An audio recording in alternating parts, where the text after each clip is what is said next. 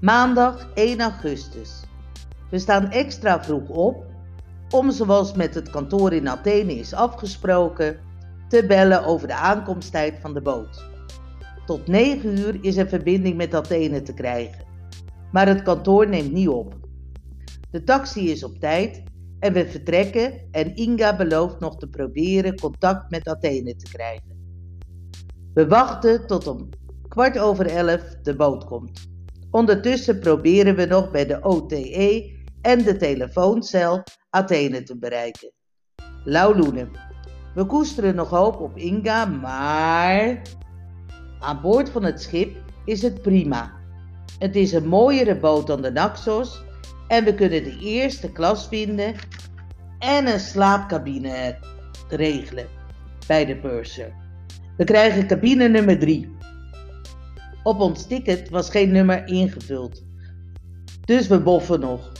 We hangen wat rond, de zee is goed woelig en zelfs de grote ferry schudt en kraakt. Om een uur of vier wordt het water langzaamaan iets rustiger. We eten, als om vijf uur de bar open gaat, een uitgedroogde kaassoufflé en kijken naar het in zicht komende land. We, hier, we zien de Zefstempel en we vragen ons af of die witte stip in het midden van een onbewoond gebied ons hotel kan zijn.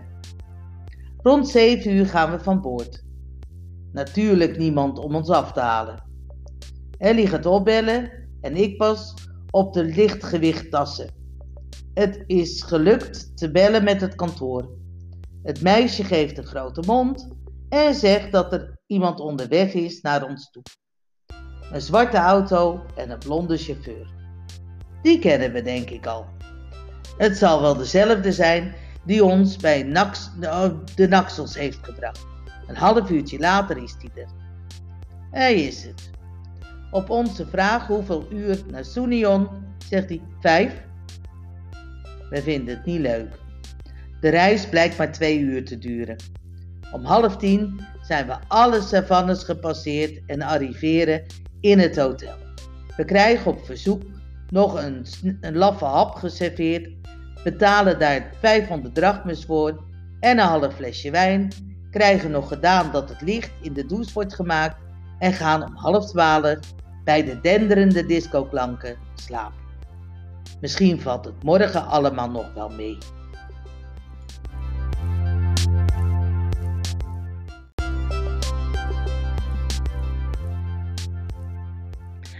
Dinsdag 2 augustus. We hebben heerlijk geslapen en gaan om 9 uur naar het ontbijt. Tijdens het ontbijt worden we opgeroepen. Carola van Destinations belt. Ze gaat alles weer navragen bij de chefs en ze wenst ons een relax holiday toe en belooft vrijdag te bellen. We gaan terug naar de kamer en simmen. De kamermeisjes doen de kamer en wij simmen. Dan gaan we richting zwembad. Bij de self-service hebben ze carafilis oezo. We nemen er wel drie en ook een slaatje.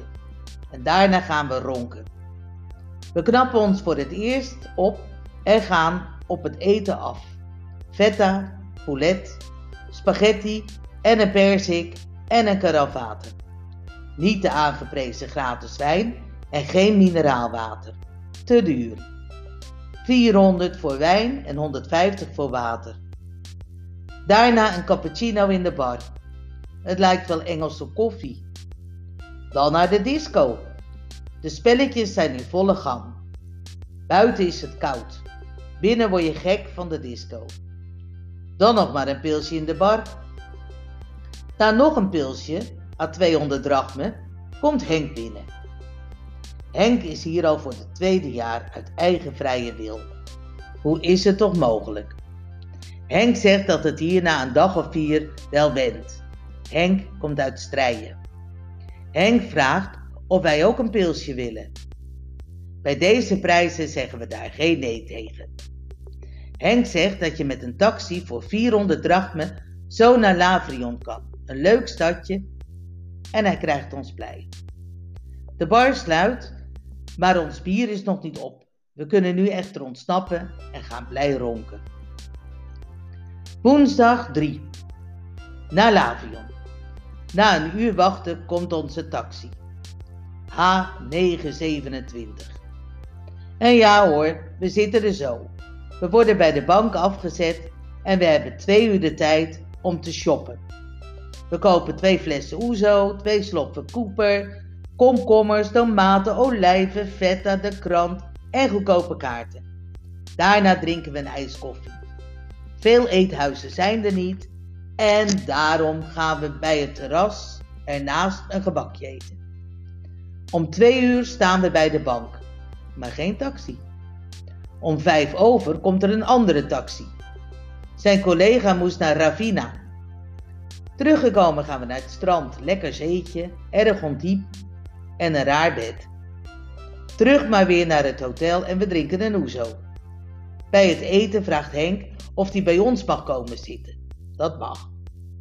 Een van de Cerberissen gooit een halve fles witte wijn op de tafel. We drinken hem op, maar betalen hem niet. We eten kip. Henk vertelt over de boerderij en zijn lenzen. Henk gaat pakken en wij pakken een espresso. Wel groot, maar niet lekker. En we gaan naar de disco. We halen nog twee flesjes oezo water en willen Henk een pilsje geven. Maar de Amstel is uitverkocht. En dan hoeft Henk ook niets. We drinken ons oezootje en gaan slapen.